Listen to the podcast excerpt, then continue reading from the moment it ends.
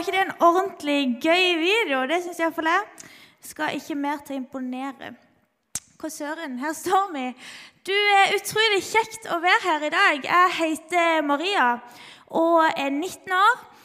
Og jeg jobber faktisk her. Det syns jeg er veldig veldig stas. Jeg er ungdomsarbeider her. Og i tillegg så går jeg på KVS. Trives veldig godt med det før jeg begynner å ordne meg, bare ordne meg litt her, så har jeg lyst til at alle skal snu seg til den de sitter på sida, og sier dere Hva søren? sier det.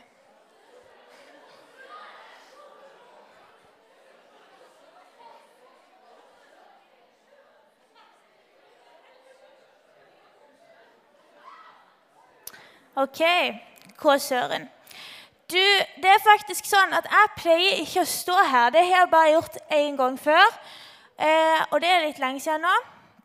Ikke så, men litt. Og av den grunn så syns jeg faktisk at det er ordentlig ordentlig spennende å stå her. Det er liksom sånn blanding av sykt gøy og sykt skummelt. Så eh, det vil jeg bare starte med å si. Så er det jo sånn at eh, Sist uke så satt jeg sammen hjemme med kjæresten min, og så snakka vi litt om denne taleserien.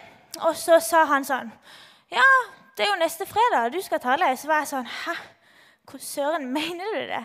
Er det sant? Da hadde jeg tenkt at det var mye lenger til. Så det tok meg på senga allerede da. Så var jeg inne i et sånt spor sånn Hva søren, hva søren? Så det har liksom vært viben eh, i forberedelsen av denne talen. Ja, her er vi. Du, i dag så eh, tenkte jeg å snakke om noe som har vært veldig, eh, veldig sånn viktig for meg og eh, min tro. Når jeg forsto dette, syns jeg det ble litt enklere. Hele greia, egentlig. For det er jo nemlig sånn at I denne taleserien så skal vi snakke om ting som Gud gjør, som kanskje kan virke litt rart eller eh, sykt eller nytt. Og man kanskje kan bli sånn Hæ, hva søren, hva betyr egentlig dette? Så vi skal prøve å dykke inn i noen av de tingene som Gud har gjort, som er vanvittige. Og I dag så hadde jeg tenkt å snakke litt med dere om at Gud ble menneske. For det er jo ganske sykt at eh, en så stor og allmektig Gud, som har skapt alt som vi ser, og oss sjøl og alt vi gjør, eh, rett og slett ble menneske ned her på jorda, på vårt bakkenivå. Hva søren? Hva betyr dette for oss? Jeg tror at eh, det betyr at vi har en Gud som forstår oss. Eh, og det tror jeg er veldig viktig at vi forstår. Eh, personlig så er jeg født og oppvokst i en kristen familie. Og av den grunn så har det hele mitt liv vært naturlig for meg eh, å søke Gud. Sånn, Vi har liksom bedt før jeg har lagt meg, eller jeg har gått i masse kirker her. Jeg har vært heldig eh, og vært med i barnekor. og liksom, De tingene her jeg aldri syntes har vært sånn merkelige, men det har liksom bare vært livet jeg har hatt. da. Så det er helt naturlig for meg å be til Gud når jeg er redd eller glad eller stressa for noe. Men så er det òg sånn at i perioder så syns jeg at det ofte kan virke som tomme ord. At når jeg ber, så føles det plutselig som at åh, hva det egentlig jeg sa nå igjen? Det føles som å bare sitte og prate ut i lufta til seg sjøl. Eh, så da er det sånn at i perioder så blir det mye mindre av de tingene for meg. Og det kan liksom være at jeg bare føler sånn ah, Det blir bare rart liksom å sitte og be til noen man ikke ser. Så da ender det jo ofte med at jeg kanskje bare prater med noen som er her akkurat nå. En god venninne, f.eks. Og det føles liksom mer som et ork å søke noe som ikke er der. Og jeg kan ofte tenke sånn ja, ja, nå går jeg gjennom kjipe ting på skolen min. Jeg lever i 2023, jeg er jente 19 år, og Gud, liksom Kan han forstå det, det som skjer i livet mitt nå? Og Derfor så lander det kanskje ofte på at jeg heller søker noen som er med i samme situasjon, eller som er her, da. Og det jeg kjenner på, det tror jeg eh, er mange flere som jeg kjenner på. Ofte når jeg snakker med venninner eh, som tror på det samme som meg, så kan de være sånn åh, det er så vanskelig, for det føles ikke som Gud hører, eller som at han forstår det jeg mener. da. Eh, og det tror jeg er, ja, jeg tror det er mange som kan kjenne på at det, det kan føles som at Gud er langt vekke når, når livet stormer som verst. Mm. En dag for ikke så veldig lenge siden, det må jo ha vært i hvert fall et par år siden, men da eh, gikk det mer og mer opp for meg det at eh, Gud valgte å bli menneske. Det er jo sånn at Siden jeg naturlig eh, er vokst opp i en kristen familie, så har jeg hørt dette veldig mange ganger før. Men det var liksom, jeg måtte bli litt eldre før jeg skjønte hva det betyr for meg.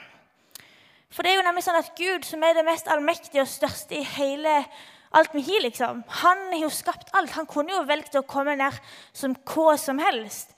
Det kunne jo vært liksom en høne eller en fisk eller ja, sebra. Altså, alt kunne han valgt. Men så velger han å sende sin eneste sønn ned som menneske.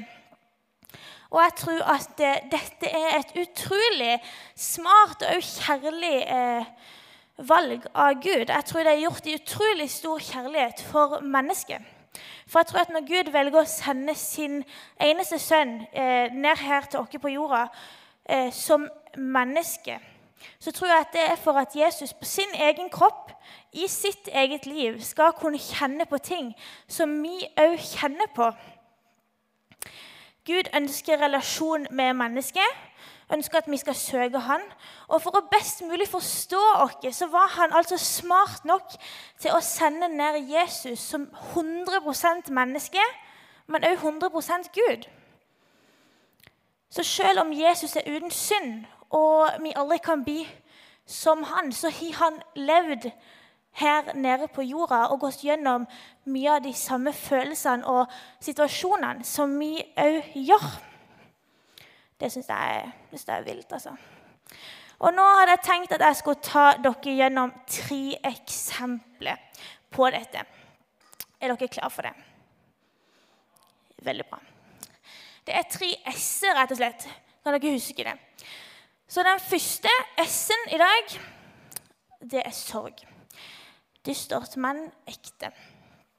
Det er nemlig sånn at Som menneske så tror jeg vi alle sammen i løpet av livet kommer til å kjenne på sorg. Kanskje er det sånn at du kom her i dag og er allerede lei deg når du kom inn her. Eh, eller så tror jeg at veldig mange av oss har gått gjennom ting i livet som har gjort at vi har vært lei oss. Eller så kommer vi nok til å møte det.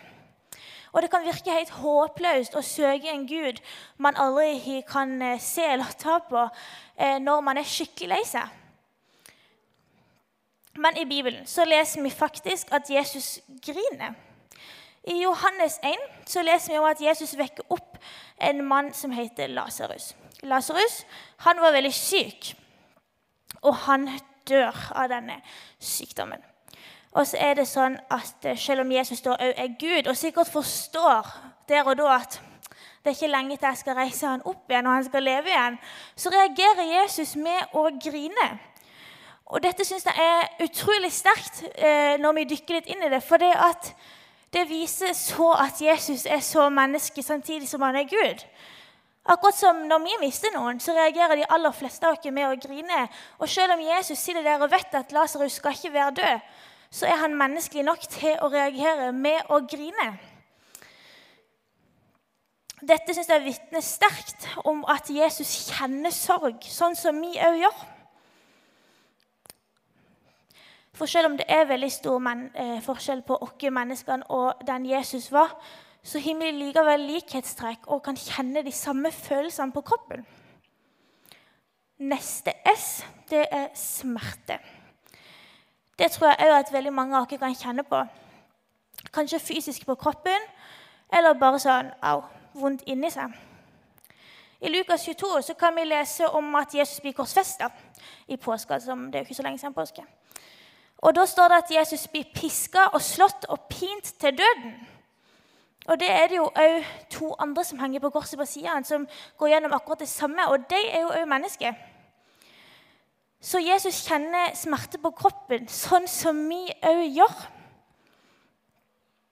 Jesus måtte gjennomgå smerte som var påført han av andre mennesker. Og det tror jeg vi òg kan kjenne at noen i livene våre kanskje påfører oss smerte. Og da er det, iallfall syns jeg, utrolig betryggende å vite at Jesus vet hva jeg prater om når jeg prater om smerte. Siden han på sin helt menneskelige kropp har gjennomgått masse smerte.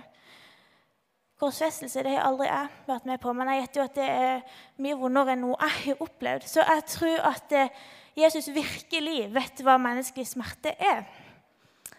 Den siste S-en i dag det tror jeg er noe vi alle kjenner på, kanskje for ofte nesten òg. Svik. Det trenger ikke være så veldig dramatisk, sånn, oi, noen stakk fra meg for resten av livet, men det kan være å rett og slett kjenne seg litt sånn dolka i ryggen av en god venn.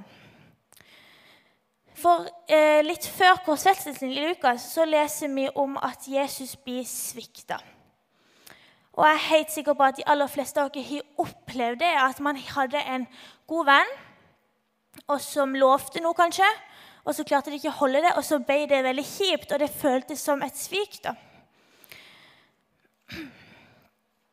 Og da er det sånn at Jesus, han eh, ja, Det kan være veldig vanskelig å tro at Jesus som mann, mye eldre enn oss, og var mann og levde for 2000 år siden, kan ha opplevd noe sånn vennekrangling og svik som vi gjør. Men Jesus hadde tolv disipler, og vi kan forstå at eh, Simon Peter var en av de Jesus kanskje hadde, som var han sin beste venn. liksom. Og Vi leser i Lukas da, om at Simon Peter faktisk nekter for at han kjenner Jesus når Jesus står i kanskje det vanskeligste så langt. Jesus hadde sagt til Simon Peter at eh, før han i natt, så skal du ha fornekta meg tre ganger. Og Da sa Simon Peter, som den vennen han var, at nei, jeg lover Jesus, jeg skal alltid stå med deg. Og dette er jo en dialog jeg har aldri hatt med noen av mine venner. at jeg sier til dem du, før han i natt, så skal du fornekte meg. Det har jeg aldri sagt, men det er jo eh, for det, og hvis man oversetter litt, så kan jeg si til noen venner ja, Lover du at du støtter meg da, når vi skal snakke med deg? Og så kan de si ja, men så opplever man at det skjer ikke. For nemlig så er det sånn at når hanen Gole, da, så snur Jesus seg og ser på Peter, og da kommer Peter på at han har faktisk fornekta Jesus tre ganger. Og han blir veldig lei seg men det hadde da skjedd. Og jeg tror at Jesus syntes dette var grusomt, for det var hans beste venn. Og midt i alt kaos han skulle bli korsfesta, og det var kanskje det vanskeligste som hadde skjedd så langt, og han trengte virkelig en god venn, så fornekter Peter Jesus. Han blir svikta. Jesus han døde, så sto han opp igjen og for opp til himmelen. Jeg aner ikke hva dere som sitter her, står i akkurat nå. Det kan være utrolig mye forskjellig. Kanskje kom du inn her i dag og hadde hatt din aller beste dag på lenge, eller så står du i noe som er veldig, veldig, veldig vanskelig. Da har jeg lyst til at vi videre skal rette fokus på at eh, når vi ber eller søker Gud, at vi kan jobbe litt med å senke skuldrene litt. Du trenger ikke forklare det. Jesus han kjenner oss, og han forstår det. Han er ikke bare en fjern Gud. Han er en Gud som har vært her. Han har levd her sammen med helt vanlige mennesker, sånn som meg og deg, og sikkert sett litt av hvert. Og han har opplevd det vi opplever. Jesus han vet hvordan du har det. Du har en Gud som forstår det. Og det er helt sykt. Tenk at vi har det. Tenk at han som skapte deg akkurat sånn som du er, ønsker å, ikke bare ønsker å henge med deg gjennom bønn og lovsang, og sånt, men han ønsker òg å forstå hele livet Han ønsker å forstå følelsene dine, forstå hvordan du har det. Så med hele sin kropp og hele sin sjel levde han her nede og kjente på det vi kjenner på. Gud sendte sin sønn Jesus ned til oss, sånn at alle gangene du ber, så vet Jesus hva du snakker om. Hver eneste gang. Jesus kan virkelig forstå, og Jesus han er så nærme oss. Du er så elska, og du er så ønska. Jeg ønsker å eh, avslutte denne talen i dag med et bibelvers som sier oss nettopp noe om, eh, om, dette. Det står i Safania 3, 17. Jeg må snu meg litt. Herren, er din Gud, Herren din Gud er hos deg, en helt som frelser. Han fryder og gleder seg over deg og viser deg på ny sin kjærlighet. Han jubler over deg med fryd. Og dette bibelverset synes jeg passer ekstra godt, for akkurat i dette bibelverset synes jeg vi også ser mange menneskelige, ektefølte eh, følelser. Som f.eks. å fryde og glede seg. Det er jo noe vi òg gjør. Kanskje du gjorde det på vei ned her i dag. Du var kjempeglad og gleda deg skikkelig mye til å komme ned her. Og eh, juble, det gjør vi jo òg. Kanskje hvis du vinner en fotballkamp, at du jubler masse. Eller hvis du får en gøy nyhet, at du reagerer med å hoppe opp. Så her igjen syns jeg at Jesus eh, snakker på en måte som er lett for oss å forstå. Jesus han er hos deg. Du har en Gud som ble menneske for å forstå deg. Gud forstår meg.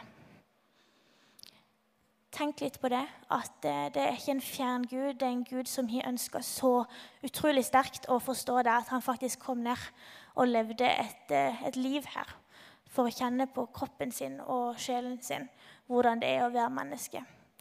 Så neste gang du kjenner at åh, men Gud forstår ikke, så kan du vite at det, det gjør han med 100% sikkerhet.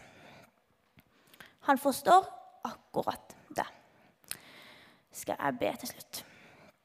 Kjære Jesus, takk for eh, den du er. Eh, takk for at du forstår oss, Jesus.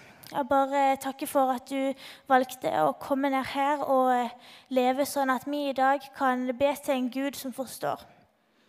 Takk for at vi er elska av deg, og at, eh, og at du ser oss der vi er Jesus. Amen.